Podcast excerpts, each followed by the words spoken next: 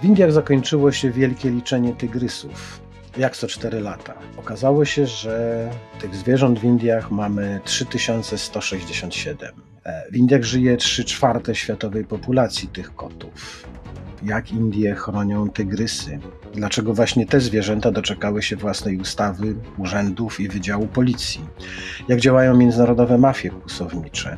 I co czeka tygrysy w coraz mocniej i szybciej rozwijających się Indiach? Dzień dobry, przy mikrofonach Wojciech Jagielski i Krzysztof Stol. Słuchacie podcastu Tygodnika Powszechnego.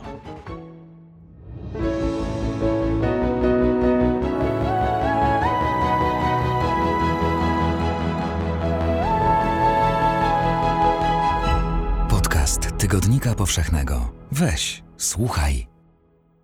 Zacznijmy może od e, sprawy zupełnie podstawowej. Jak się liczy tygrysy i dlaczego się je liczy? To jest e, operacja niebagatelna. E, I tygrysy są taką perełką w koronie indyjskiej przyrody i tak są traktowane. Na tygrysy się od dekad, o czym jeszcze powiemy, chucha i dmucha. W Indiach. Y, I te operacje liczenia, takie ogólnokrajowe, przeprowadza się co 4 lata no wszyscy przyrodnicy z e, Wildlife Institute of India ruszają do pracy w teren. Ale poczekaj chwileczkę.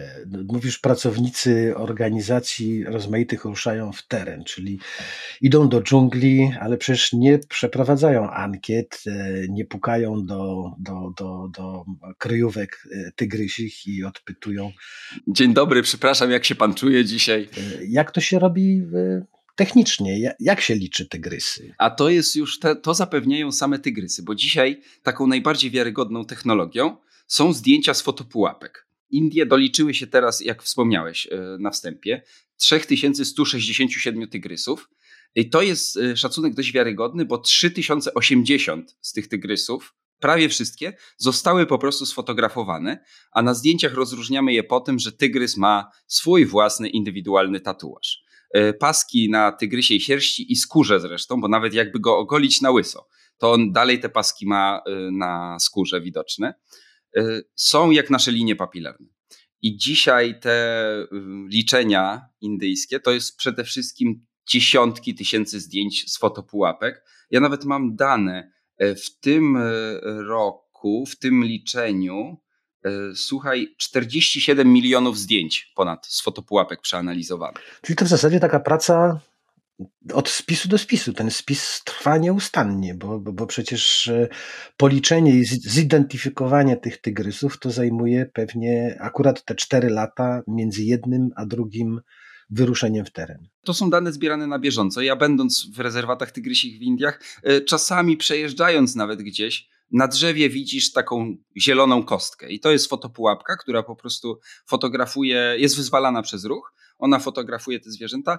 Wiem, że teraz y, nawet używa się sztucznej inteligencji do, te, do analizy tych zdjęć, która rozpoznaje indywidualne tygrysy, e, przypisuje im odpowiednie numery, tworzy taką bazę danych.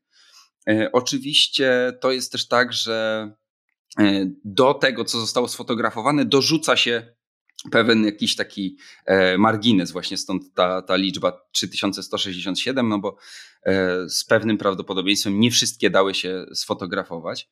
Kiedyś to robiono na piechotę faktycznie. Kiedyś liczono tropy. I to jest bardzo mało wiarygodna metoda. O tym do tego zresztą dojdziemy, bo to jest jeden z największych tygrysich przekrętów. E, kiedy władze Indii w taki moment zapaści ku tej populacji tygrysów, próbowały przekonywać wszystkich, że wszystko jest w porządku, bo właśnie doliczono się tropów. E, a tropy bardzo łatwo zliczyć to samo zwierzę 15 razy. 3200 prawie tygrysów e, w Indiach. I te 3200 to jest 3 czwarte wszystkich tygrysów żyjących na wolności na świecie. To jest dużo, e, bo z jednej strony dwa razy więcej niż 10 lat temu, a mnie się wydaje to dramatycznie mało, zwłaszcza e, w Indiach, ojczyźnie tych tygrysów, kraju zamieszkałem przez ponad półtora miliarda ludzi. 3000 to jest dużo, to jest oczywiście pozytywna wiadomość. Ta populacja rośnie. Indie w 2010 postawiły sobie cel kiedy tych tygrysów było około 1400, że one w ciągu 10 lat podwoją tą liczbę i dowiozły ten cel przed czasem. Już w 2018 tam się tak naprawdę podwoiło i ta populacja dalej rośnie. Natomiast tak, Indie są jedynym krajem z taką sensownie liczebną populacją tygrysa. Drugim jeszcze może być Rosja, powiedzmy około 500. To w części są te tygrysy syberyjskie, te największe, największy podgatunek e, tego kota. On może ważyć do 300, 300 kg i e, czubek nosa od, od końca ogona może dzielić 4-5 metrów czasami. E, natomiast e, to jest dramatycznie mało, jak spojrzymy i zaczniemy tę historię od początku. I tu musielibyśmy się cofnąć mniej więcej o 100 lat, może sto kilkadziesiąt, do przełomu XIX-XX wieku. E, I wtedy na Ziemi żyło 100 tysięcy tygrysów. Kiedyś, żeby zobaczyć takiego pięknego kota, to nie musiałbyś jechać do Indii, ani do Rosji, ani do Chin tylko wystarczyło pojechać nad y, Morze Aralskie i Morze Kaspijskie. Żyły tygrysy kaspijskie, tygrysy żyły w Turcji, a potem staliśmy się my. To znaczy, to jest taki smutny rozdział tej historii, bo zwłaszcza na początku XX wieku myśmy te tygrysy wymordowali i to nie dla jakiejś rządzy zysku, tylko dla zabawy, dla podniesienia statusu. Dla przyjemności. Polowanie mhm. na tygrysy stało się sposobem no ja nie umiem tego wyjaśnić, ale poprawienia sobie jakiegoś ego, e, podbudowania własnej wartości przez e, możnych państwa. I to dotyczyło zarówno możnowładców z kolonialnych metropolii, e, ale też na przykład indyjskich maharadżów, którzy, którzy polowali na te, mm, na te zwierzęta pasjami to były takie polowania, wiesz, z naganianiem, z po prostu wystawianiem tych zwierząt pod lufy, gdzie ten, ten trup się słał gęsto bardzo. I myśmy w zasadzie w parę dekad ten gatunek doprowadzili na y, krawędź wymarcia. To jest dla mnie niezrozumiałe, bo jakby tak człowieka postawić przed tygrysem bez tych wszystkich y, naszych udogodnień, broni, sprzętów, to wtedy byśmy zobaczyli, kto jest y, mocniejszy. Ale tutaj nam się udało.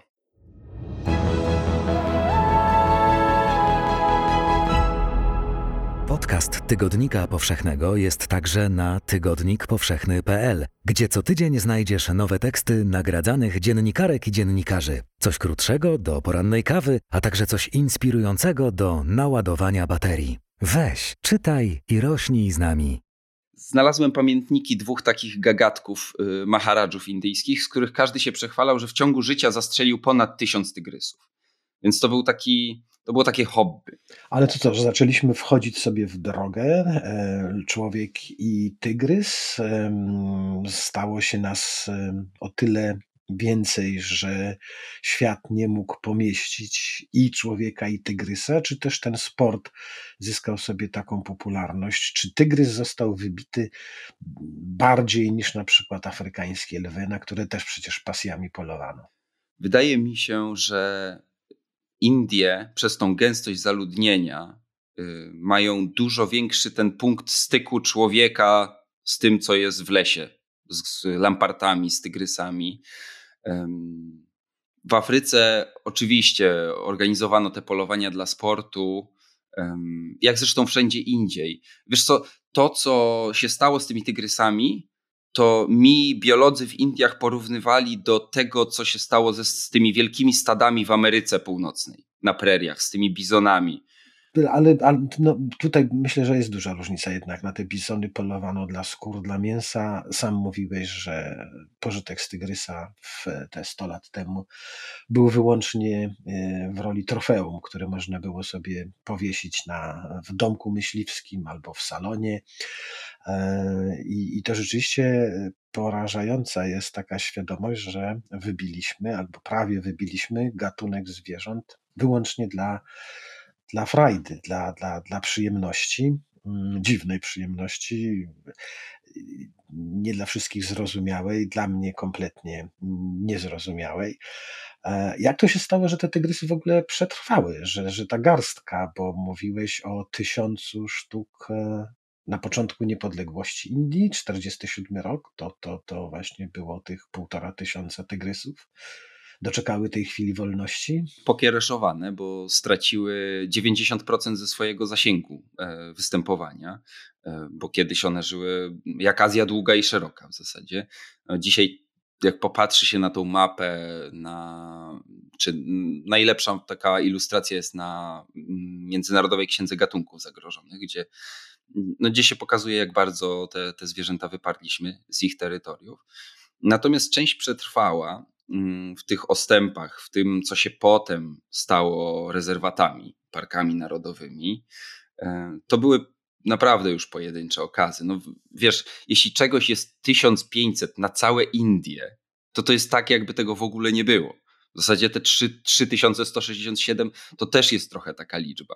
One żyją w enklawach. To takie nieocalone, tylko, tylko pogubione tygrysy, bo, bo gdyby nie zostały zgubione, to by je e, wystrzelano na tych ostatnich polowaniach albo pierwszych polowaniach w niepodległych Indiach. Ci pierwsi goście ze wschodu czy z zachodu zostaliby zaproszeni przez premiera niepodległych Indii na, na okolicznościowe polowanie, ale gdzieś tam przepadły. Zresztą zostali, bo te, ten, ten cały proceder trwał jeszcze przez lata 50. i 60. E, wtedy już weszło w Indiach parę zmian.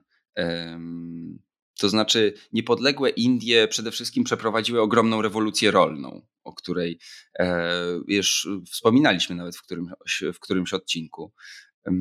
Zaczęto uprawiać inne nasiona, bardziej intensywne rolnictwo. Zaczęto coraz głębiej wchodzić w tą przyrodę, po prostu zabierać kolejne kawałki lasu, kolejne kawałki tej, tej przyrody i tracić, tracić zaczęły nie tylko tygrysy na tym, E, tylko wszystkie, wszystkie zwierzęta, cała indyjska przyroda, a w konsekwencji też ludzie, bo dzisiaj regiony w Indiach, które zmagają się z wieloletnią suszą, bardzo często kiedyś były, kiedyś jeszcze 100 lat temu zasługiwałyby na miano Parku Narodowego i niczego tam nie brakowało. E, więc, więc te, mm, to nasze wpychanie się coraz głębiej w przyrodę poskutkowało tym, że sami na tym często bardzo dzisiaj tracimy. To paradoks, bo z jednej strony zielona rewolucja, która w Indiach e, miała miejsce. I przynajmniej część e, tych rewolucyjnych lat e, zeszło w Indiach pod panowaniem pani premier Indiri Gandhi, jednej z najwybitniejszych przywódczyń w Indiach, a z drugiej strony właśnie i ta rewolucja zagrażała, stanowiła śmiertelne zagrożenie dla, dla tygrysów, a z drugiej strony to właśnie ona, pani Indira, chyba jako pierwsza z indyjskich polityków podjęła jakieś działania, żeby te tygrysy chronić. Miłosierdzie, jakaś, jakaś słabość do tygrysów przemówiła, czy po prostu pani Indira uznała, że straci atrakcję turystyczną, że głupio będą Indie, e, kraj e, kojarzony z księgą dżungli, głupio będzie, jak w tych Indiach zabraknie tygrysów. E, wiesz co, gdyby to tygrysy miały głosować na najwybitniejszego przywódcę w historii Indii, to Indira Gandhi wygrałaby w cuglach. E, I ja podejrzewam, że to jest tyleż y, marketingowa zagrywka, czy taka PR-owo-polityczna, co uczciwa y, miłość do przyrody. Y, tygrysy tak mają. One są w Indiach symbolem, one są dumą. E, I mm, to myślę, że do Indiry przemawiało, że to nie był tylko cynizm. E, natomiast Indira Gandhi w ogóle cały współczesny model ochrony przyrody w Indiach bardzo wiele jej zawdzięcza. Ona y, położyła, zwłaszcza prawnie, y, takie podwaliny pod wszystko, co w Indiach dzisiaj udaje się chronić, y, pod całą sieć właśnie tych tygrysich rezerwatów. Parki narodowe powstawały oczywiście już wcześniej. Tam najstarszy park narodowy w Indiach zaraz będzie obchodził stulecie. Natomiast Indira Gandhi ujęła się za tymi tygrysami w 1969 roku zakazała eksportu skór, bo to wtedy już był spory biznes. Z tym, że ta skóra tygrysa no, kosztowała wtedy na przykład 50 dolarów, 40 dolarów. Wyobrazisz sobie, jak rzadki to jest towar na świecie i już wtedy był, no to 50 dolarów za coś takiego To jest. Nawet pamiętając, że ten dolar co innego znaczył. Mhm, to prawda, grosze. Tak, tak. Na, nawet biorąc to wszystko pod uwagę. Natomiast to był spory biznes, y, który groził tym, że no faktycznie te zwierzęta znikną. Więc w 1969 roku zakaz eksportu skór. Dwa lata później zakaz w ogóle polowań na tygrysy w Indiach. E, dość bezwzględny. I w 73 roku, e, dokładnie 50 lat temu, więc mamy taką fajną, okrągłą rocznicę przy okazji tych podsumowań, liczenia i tak dalej. 50 lat temu z inspiracji bardzo osobistej Indiry Gandhi zaczyna się coś, co do dzisiaj trwa i jest największym projektem w historii ludzkości ochrony innego gatunku. E, I ten, to się nazywa projekt Tygrys, tak się nazywa ustawa. Więc tygrysy mają własną ustawę. Na mocy tamtej ustawy powstało pierwsze dziewięć rezerwatów. E, ja byłem w dwóch z tej pierwszej dziewiątki. W których? Wiesz co, w e, Parku Narodowym Jima Corbetta, który mhm. jest najstarszym właśnie mhm. parkiem narodowym w Indiach i on też został właśnie tym... tym, tym Powiedzmy, gdzie on jest jeszcze w Indiach. Na północ od New Delhi, a druga, drugie takie miejsce, e, które też jest dość szczególne, z tej pierwszej dziewiątki to jest rezerwat Rantambore, to jest w Rajasthanie na południe od Delhi.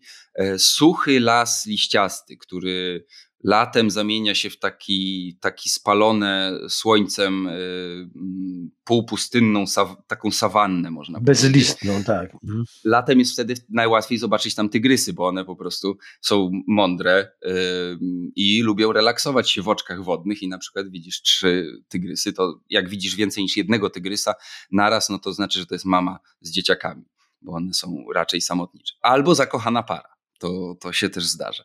E, I one sobie wtedy relaksują się w oczkach wodnych, oglądają świat, a czasami sobie gdzieś tam polują. E, ja akurat byłem e, w porze poza latem. Byłem w listopadzie i w październiku. Wtedy ten las jest zielony, nieprzebyty i zobaczenie tygrysa to jest duże szczęście. To jest duży honor. E, i zaszczyt, e, że ten tygrys się zdecyduje po, pokazać, bo to nie jest tak, że ty znajdziesz tygrysa, to tygrys znajdzie ciebie ewentualnie, bo w tym lesie nie masz za, na za wiele e, wpływu.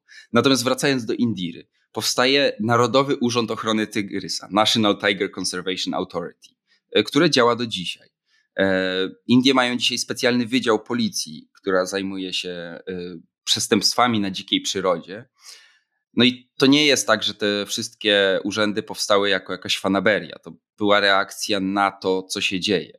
E, w momencie, w którym Indira Gandhi ten projekt zaczynała, tych tygrysów było 1800 się szacuje. To są, wiesz, im, im dalej w czas się cofamy, tym bardziej nieprecyzyjne są te szacunki. Nie mhm. mieliśmy wtedy fotopułapek i sztucznej inteligencji, która analizuje tygrysie paski, ale no tyle, co kot napłakał, e, tak szczerze mówiąc, ich było. I ten projekt Indiry mm, zaczął działać. E, w latach 80., y, kiedy Indira zginęła w zamachu, tych tygrysów było już dwa razy więcej niż na początku prawie 4 tysiące. E, więc to, to był taki moment. Mm, ja myślę, że Indie i Indira wykorzystały tak naprawdę ostatni dzwonek po prostu. Że to był taki faktycznie refleksja nad tym, że będziemy bardzo głupio wyglądać jako kraj bez tygrysów, gdzie, gdzie tygrys jest zwierzęciem narodowym. Mm -hmm. No pani Indira w Indiach była e, politykiem wyjątkowym. Po pierwsze dziedziczka dynastii, a może najwybitniejsza jej przedstawicielka, bo jej tata Jawaharlal Nehru był pierwszym premierem niepodległych Indii. Po nim e, już Indie dumnie przedstawiały się albo uzurpowały sobie rolę największej demokracji świata, największej w sensie najludniejszej, ale najlep- największa zdecydowanie e, lepiej brzmiało to niż e, najludniejsza. E, pani Indira objęła władzę po ojcu, rządziła długo, dwukrotnie, Pierwsze premierostwo to lata 66-77. Potem wróciła odsunięta od władzy na trzy lata, wróciła w 1980 i rządziła do śmierci w 1984 roku.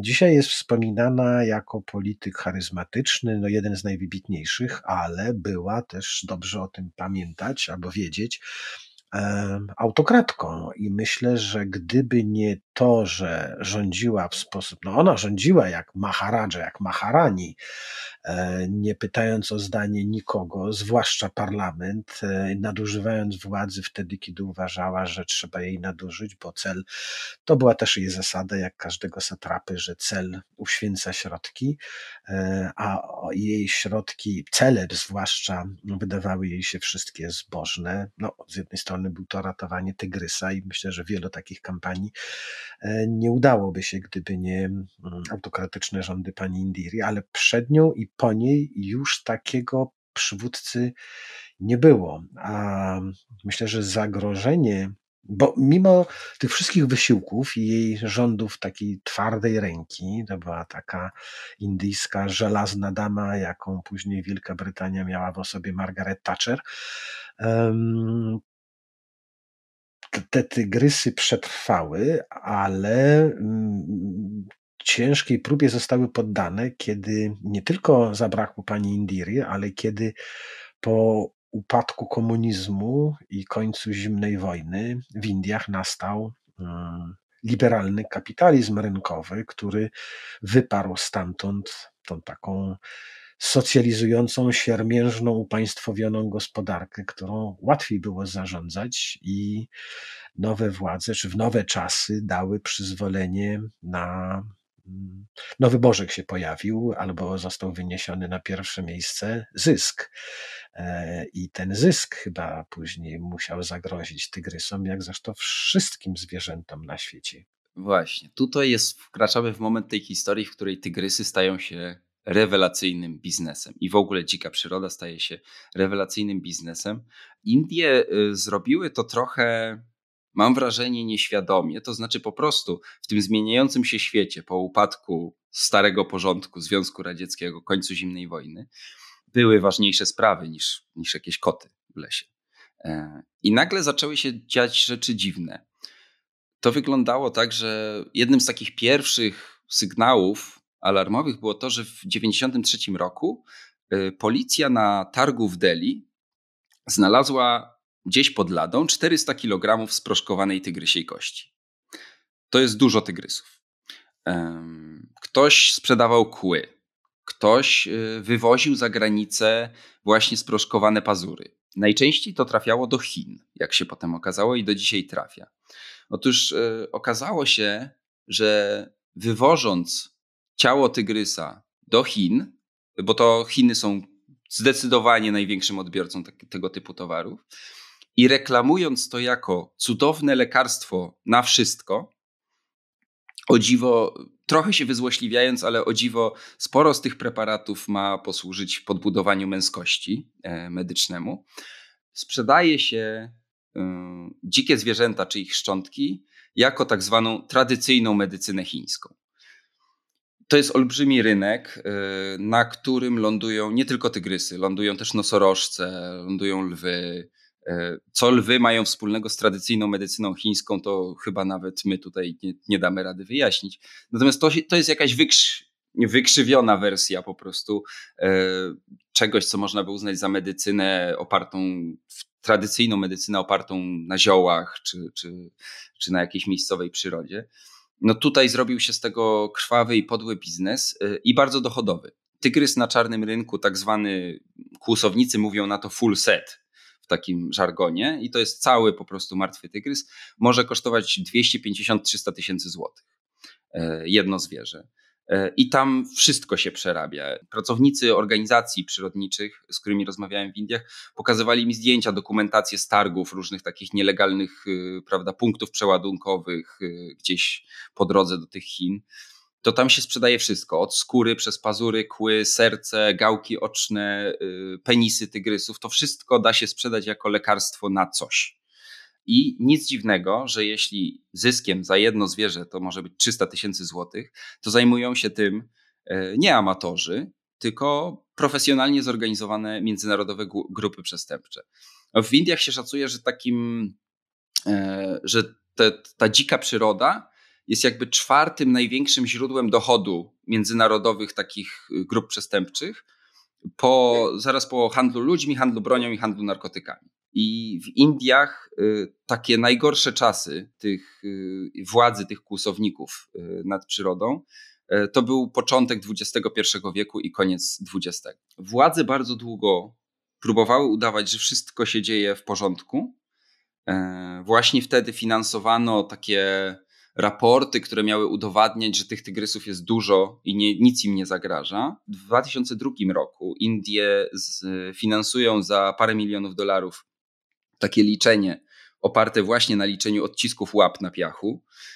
E, z którego wychodzi, że mamy 3,5 tysiąca tygrysów, wszystko jest dobrze, proszę się nie, czepiać. Wręcz robi ich się tak wiele, że będą stanowić zagrożenie dla człowieka. Ja wchodzę ci w słowa, ale no, podobne historie na mniejszą skalę oczywiście e, działy się w tym mniej więcej samym czasie w Afryce gdzie mm, najpierw podjęto wysiłek, żeby zagrożone gatunki ratować, a potem w latach 90., na początku lat 90., zaczęto opowiadać, że tych lwów, e, słoni, no, no o nosorożców nie, nie, nie zmyślano, ale to głównie chodziło o słonie i o, o lwy, że e, zrobiło ich się tak e, dużo, że stanowią zagrożenia dla, zagrożenie dla ludzkich siedlisk dla, że dla pasterzy, dla, dla, dla, dla, nawet dla rolników, że, że, że od, od, odławianie czy odstrzeliwanie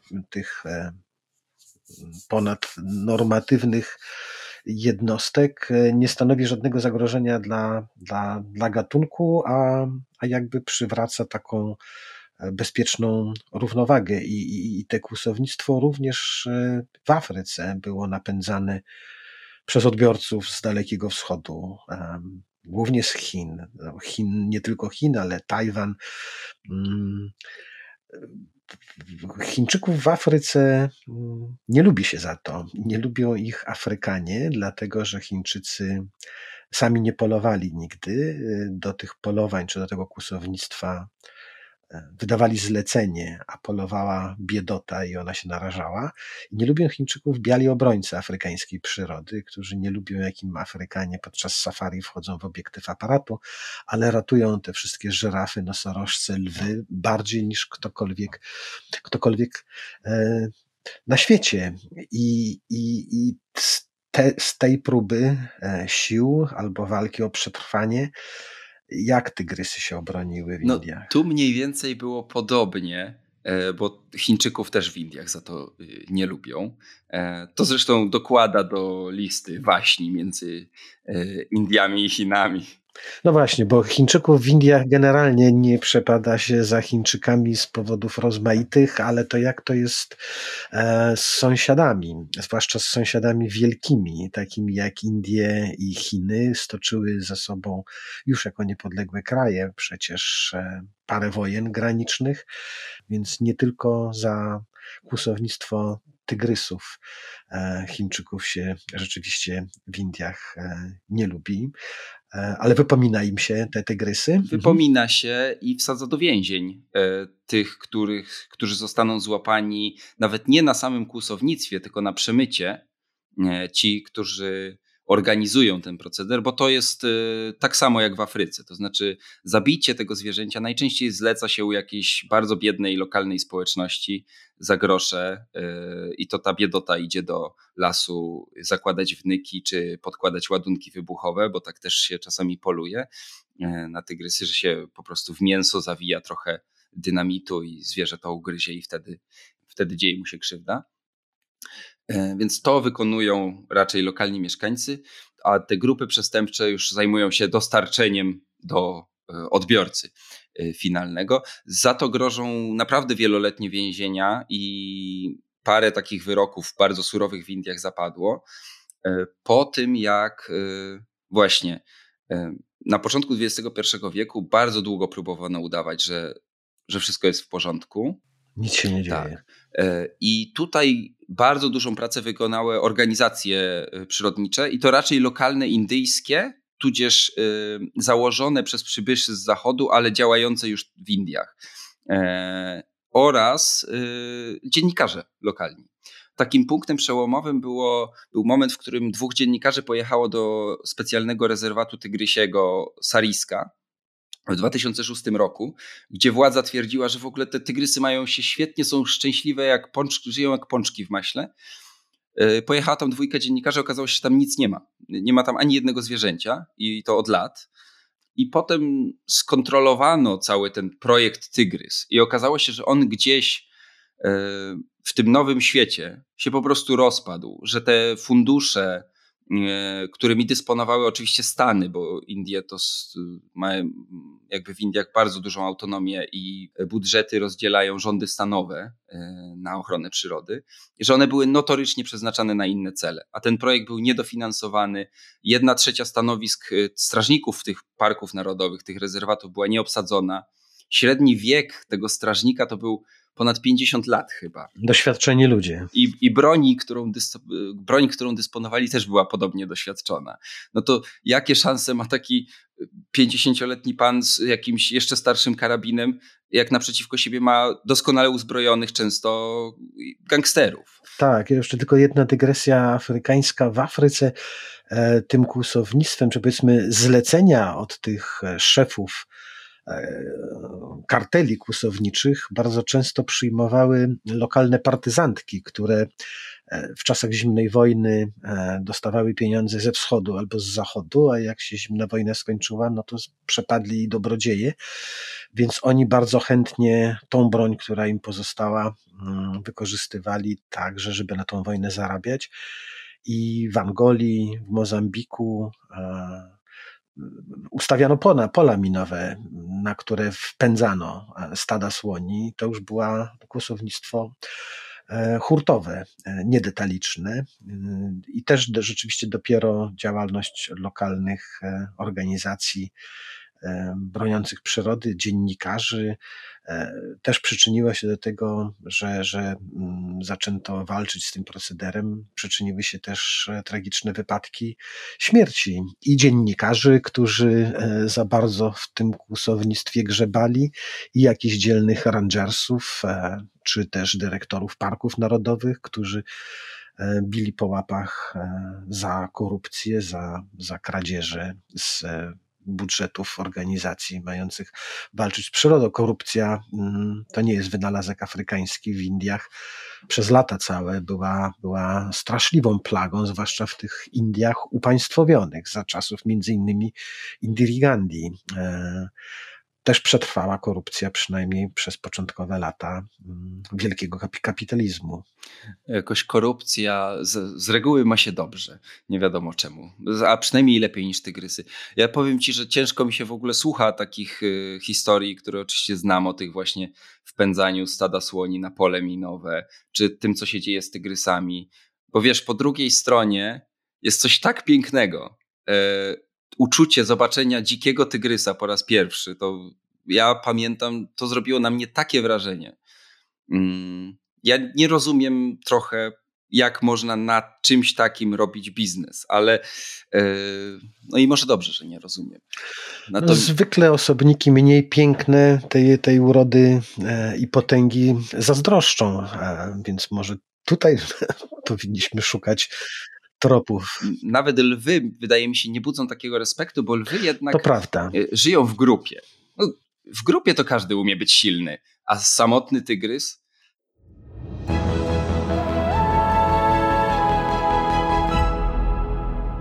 To nie wszystko, co dla Ciebie mamy. Kup Tygodnik Powszechny na stronie tygodnikpowszechny.pl i sprawdź swoją zniżkę z kodem podcast. To jest ciekawe, dlaczego tygrysy są pomarańczowe? Przecież to jest bez sensu, żeby ewolucja wsadziła pomarańczowego kota do zielonej dżungli. Otóż są pomarańczowe, dlatego że ich ofiary, czyli jelenie, często większe od nich, sambary, są daltonistami. Mają tylko dwa receptory kolorów, e, więc tygrysy wybrały jakby bardzo bliską opcję. One dla jelenia się praktycznie zlewają e, z tłem, Co ciekawe, tygrysy też mają dwa receptory tylko kolorów w oczach, więc one też nie wiedzą, że są pomarańczowe. E, rozumiem, że widziałeś e, tygrysa na własne oczy, nie jednego. Pytam z zazdrością, bo ja parę razy próbowałem. Za każdym razem pokazywano mi palcami, gdzie rzekomo ten tygrys miał być, ale ja jak ten sambar widziałem tylko coś, co się zlewało e, z otoczeniem. Ty widziałeś? Tak, parę razy i miałem okazję nawet widzieć mamę z dwoma takimi podrostkami, które zajęte są wszystkim innym niż tylko słuchaniem swojej rodzicielki. A bycie tygrysią mamą i wychowywanie czasami czterech takich małych gagatków, gdzie musisz dla wszystkich upolować, nakarmić e, przez dwa lata, żyjąc e, z mamą, no to jest ciężka misja. E, pierwszym obiektem, na mhm. którym młody tygrys uczy się polowania, to jest ogon matki. E, I potem, zaczyna się, potem zaczynają się bójki z rodzeństwem. E, oczywiście dla zabawy i dla treningu.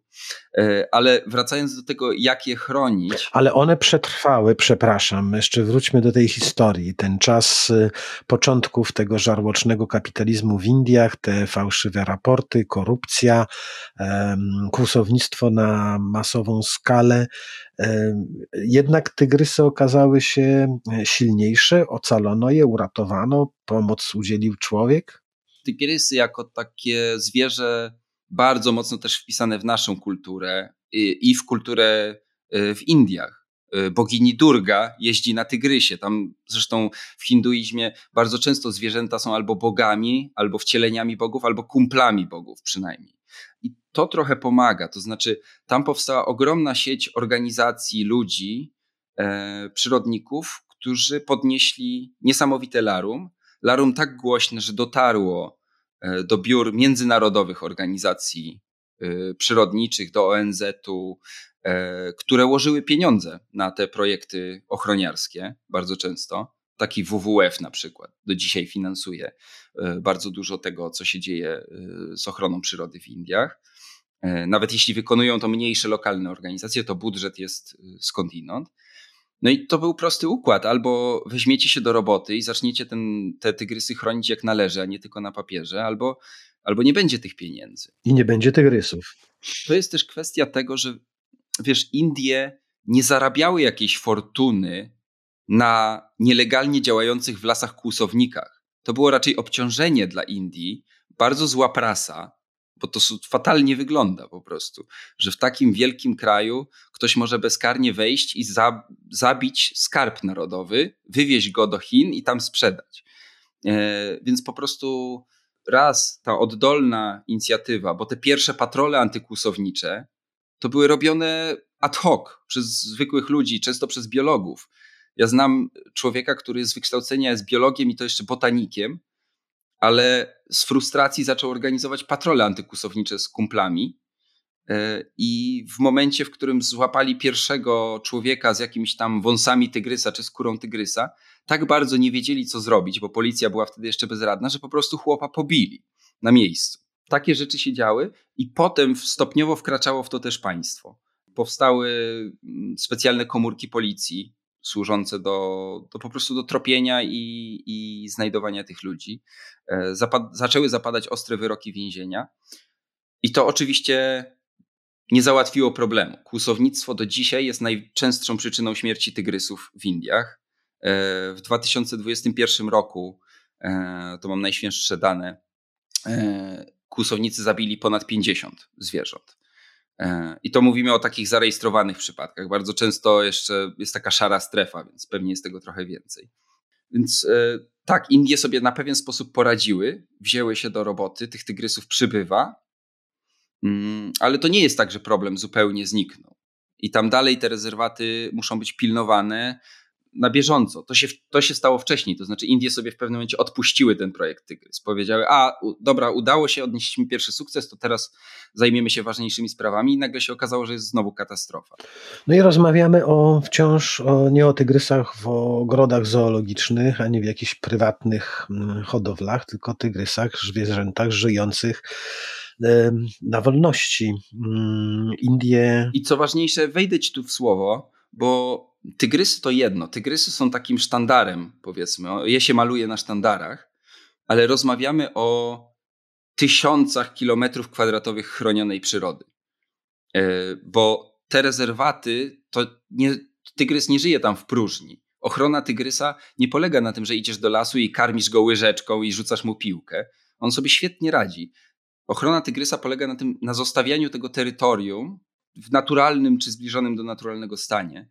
I na tym tak naprawdę korzystamy też my. To znaczy, to Rantambore, ten rezerwat, o którym wspominałem na początku, to jest jedyne źródło wody, tak naprawdę, dla setek tysięcy ludzi dookoła. W momencie, w którym my to, ten rezerwat zniesiemy, założemy i będziemy próbowali tam zrobić kopalnię e, kamieniołom, tam się zresztą nielegalnie często wydobywa kamień i z tym też nie, nie za bardzo policja umie sobie poradzić, e, to po prostu teren wokół tego się zrobi nie do życia, bo to jest ostatnia studnia tak naprawdę na, na tym obszarze, na, w tym takim półpustynnym Rajasthanie.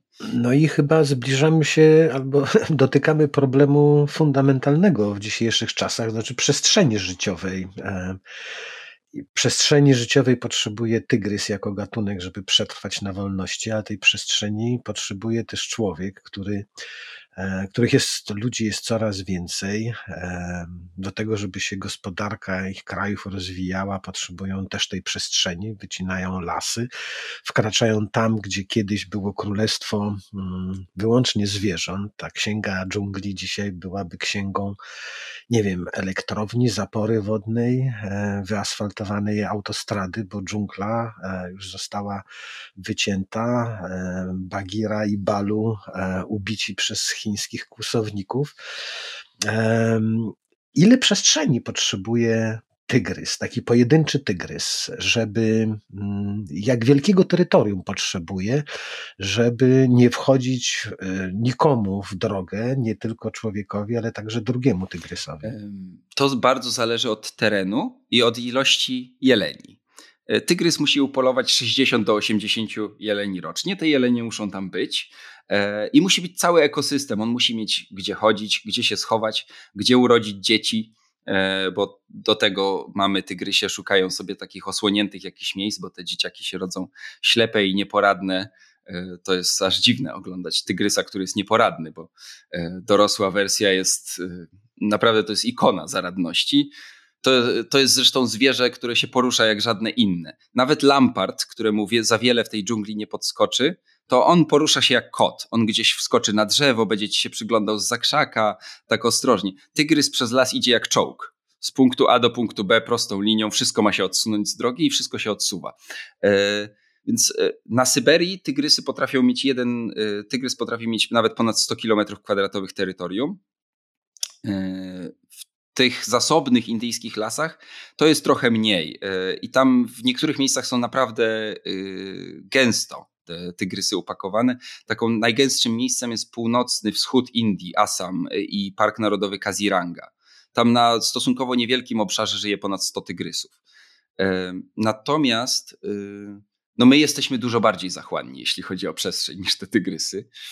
Pojawia się problem, bo e, my potrzebujemy coraz więcej. Takim e, ostatnim głośnym problemem w Indiach jest to, co się dzieje w rezerwacie Panna, e, stan Madhya Pradesh, środkowe Indie. Okazało się, że rolniczy rejon znajdujący się 300 kilometrów na zachód e, bardzo cierpi z powodu suszy. A przez rezerwat Panna, gdzie żyje kilkadziesiąt tygrysów i mnóstwo innych stworzeń, płynie ostatnia czy jedna z ostatnich dzikich, czystych rzek w Indiach. E, rzeka, którą mm, przybysze z Wielkiej Brytanii ochrzcili Ken, jak mm, chłopak Barbie. E, więc rzeka Ken jest takim rezerwuarem czystej wody, też i nie tylko dla tygrysów, ale dla ludzi żyjących wokół. Ale, no właśnie, czymś trzeba teraz podlewać pola. Więc y, władze indyjskie wymyśliły sobie, że przekopią 300-kilometrowy kanał. W samym środku tego rezerwatu postawią wielką tamę ekolodzy, przyrodnicy wykorzystali już tam praktycznie wszystkie możliwe ścieżki protestu. Teraz sprawa jest chyba jeszcze toczona przez, e, przed Sądem Najwyższym w Indiach. No, to jest 20 miliardów dolarów inwestycji e, w taki jakiś sen hydrotechnika z lat 70., można by pomyśleć. Ale takie rzeczy się robi. To znaczy, my coraz głębiej wchodzimy w te terytoria, a poza tym dookoła nich, jak popatrzysz na mapę tych 50 paru rezerwatów tygrysich w Indiach, to to są wyspy to się powoli zaczyna robić tak, że to niewiele się różni od bardzo dużego, bardzo pięknego, ale jednak zoo. Nie, nie ogród zoologiczny przyszedł do głowy, albo może odmiana, przysz, takie przyszłe ogrody zoologiczne będą tak właśnie wyglądać. W Afryce nazywa się to parkami safari, gdzie zwierzęta nie żyją w klatkach, żyją niby na wolności, ale ta wolność jest ograniczona jednak płotem. One nie mogą migrować z jednego końca kontynentu w drugi. Muszą zmienić swoje zwyczaje. No, nie żyją w klatkach, żyją w wielkiej klatce i służą do oglądania publiczności, która e, gotowa jest płacić tysiące mm, złotych, czy dolarów, czy, czy, czy jenów, żeby przyjrzeć się nawet z bliska jakiemuś lwu, e, czy nosorożcowi, e, czy w Indiach, czy w ogóle mm, tego miejsca starczy na to, żeby ludziom wystarczało przestrzeni na rozwój ich gospodarki i żeby zwierzęta mm, dalej mogły sobie żyć w stanie dzikim. No przecież ten tygrys z jednego parku narodowego, żeby odwiedzić brata czy kumpla z wojska w drugim parku narodowym, będzie musiał przejść przez autostradę. Mm -hmm. No właśnie, bo to te, te enklawy nie są ogrodzone płotem. Nawet jeśli są, to płot dla tygrysa to jest, wiesz, nic po prostu, ale one są ogrodzone właśnie autostradami, liniami kolejowymi, miastami w tych gęsto zaludnionych Indiach. To jest duży problem. Ja bym jeszcze nie powiedział, że Indie są na etapie takiego parku safari. To znaczy, opisaliśmy tu bardzo dużo problemów, ale ja te Indie jednak podziwiam, bo on, to, to był kawał dobrej roboty. Oczywiście z bardzo dużymi przeciwnościami, ale wyobraź sobie, gdyby tygrysy żyły w Europie. Y, jeden biolog z Indii zadał mi to pytanie, y, wkurzył się na mnie y, i on powiedział mi zdanie, z którym ja się niestety chyba muszę zgodzić. To znaczy, gdyby tygrysy żyły w Europie i próbowały tu u nas załatwiać swoje tygrysie sprawy, a to się czasami kończy tym, że zjadają zwierzęta hodowlane, że zjadają ludzi. W Indiach mniej więcej 30 ludzi rocznie jednak ginie od tych tygrysów to byłoby nam bardzo przykro, płakalibyśmy rzewnymi łzami, ale wszystkie byśmy odstrzelili, ostatnie 20 rozdysponowali po ogrodach zoologicznych w europejskich stolicach i tyle. Bo to dokładnie to zrobiliśmy z europejską przyrodą mniej więcej. To znaczy wszystko, co mogło nam zagrażać, to żeśmy... Wytrzebili. Mhm. A Indie y, jednak, być może zdając sobie też sprawę z tego, o czym mówiłem, to znaczy, że ta przyroda, y, te 1500 kilometrów kwadratowych rezerwatu w Rantambore, czy 1500 km2 kolejnych y, Parku Narodowego Jima Corbetta.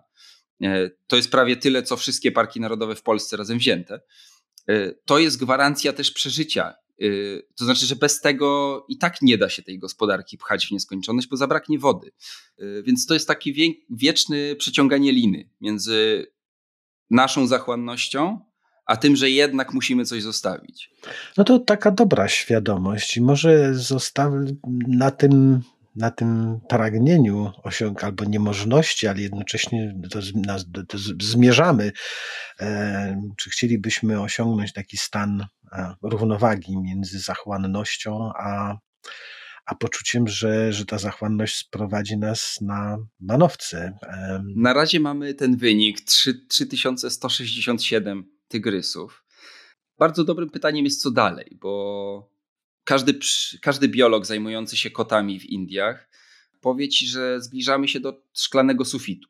To znaczy, że te enklawy są już praktycznie pełne. Tych tygrysów nie będzie tam przybywać w nieskończoność, a nie ma modelu nowego. To znaczy, teoretycznie w Indiach są wyznaczone jakieś tam korytarze migracyjne między parkami narodowymi, na przykład, które teoretycznie powinno się chronić od zabudowy. No i co z tego, że to jest na papierze, skoro tam dzisiaj buduje się te autostrady, buduje się te linie kolejowe. Indie teraz przechodzą przecież jakąś rewolucję infrastrukturalną, tam się po prostu ciągnie drogę za drogą e, i ciężko się nawet dziwić, że, że chcą być dobrze skomunikowanym krajem i że Narendra Modi e, tak bardzo to teraz wspiera. Natomiast nie ma pomysłu na to, jak ten szklany sufit rozbić, jak e, wyjść z tego modelu ochrony przyrody opartego tylko na tym rezerwacie. tylko na tym parku safari, na, na takim bardzo pięknym, bardzo naturalnym, bardzo potrzebnym, ale jednak ogrodzie zoologicznym. To jest bardzo duże wyzwanie dla Indii. A to znajdźcie jeszcze jakąś myśl pozytywną e, w tym wszystkim, jakąś prognozę, która dawałaby nadzieję i, i tygrysom, i gatunkowi ludzkiemu. Ja mam nadzieję, że te tygryski są na tyle y, piękne, że po prostu akurat one zawsze będą miały swoich obrońców e, i mają. I taką pozytywną myślą było to, co ja widziałem na obrzeżach rezerwatów, u tych ludzi, którzy są sąsiadami tygrysów. Bo oni wcale, to nie jest wcale kolorowe sąsiedztwo, to nie jest um, taka ekologia oparta na tym, że siedzisz w dużym mieście przy dobrej kawie i opowiadasz, jaka to przyroda jest piękna. To jest ekologia oparta na tym, że ten tygrys może ci zjeść twojego bawoła, który jest twoim źródłem utrzymania. I to nie będzie jeszcze najgorsze nieszczęście. Że przez tego tygrysa nie możesz wchodzić do lasu na przykład i zbierać chrustu, albo to jest niebezpieczne. E, że przez tego tygrysa i tworzony park narodowy dla niego musiałeś się wyprowadzić na przykład. To, to były bardzo duże kłótnie, bo tam przesiedlano całe wioski często. Natomiast ci ludzie nie czują się jeszcze oderwani od tego i czują, że to im jest potrzebne w jakimś sensie, nawet jeśli muszą przez to sporo wycierpieć. I jest też sporo inicjatyw, które ja tam widziałem, które to jest, są najskuteczniejsze projekty ekologiczne w Indiach, które ludziom mieszkającym po sąsiedzku z tymi lampartami, tygrysami, antylopami starają się zaoferować jakieś życie inne, takie, żeby oni nie musieli właśnie za, zagarniać kolejnych skrawków tej przyrody. Żeby walka o przestrzeń życiową nie kończyła się e, wojną. E, niech to będzie rywalizacja albo szukanie e, dobrego sąsiedztwa, które może nie zawsze jest zgodne, ale, ale sąsiedztwem pozostaje i nie prowadzi do zagarniania tej przestrzeni, także potrzebnej e, sąsiadowi. Do tygrysów do lwów, e, do wszystkich zwierząt i całej przyrody, w której żyjemy, będziemy nieraz wracali przy rozmaitych okazjach, e, niekoniecznie mm, ekologicznych, e, bo, bo, bo coraz częściej wydarzenia kojarzone nam z polityką mają związek także z przyrodą i całą pewnością o tym nieraz będziemy rozmawiać. I to już wszystko w tym odcinku podcastu Jagielski Story. Zapraszamy Was też na stronę internetową tygodnikpowszechny.pl. Tam mnóstwo dobrych rzeczy do poczytania, do posłuchania. Dziękujemy Wam też za wsparcie, które okazujecie nam, choćby w serwisie Patronite, ale też po prostu słuchając kolejnych odcinków. A następna taka okazja, kolejny odcinek za dwa tygodnie. A dzisiaj się żegnamy przy mikrofonach Krzysztof Story i Wojciech Jagielski. Do usłyszenia.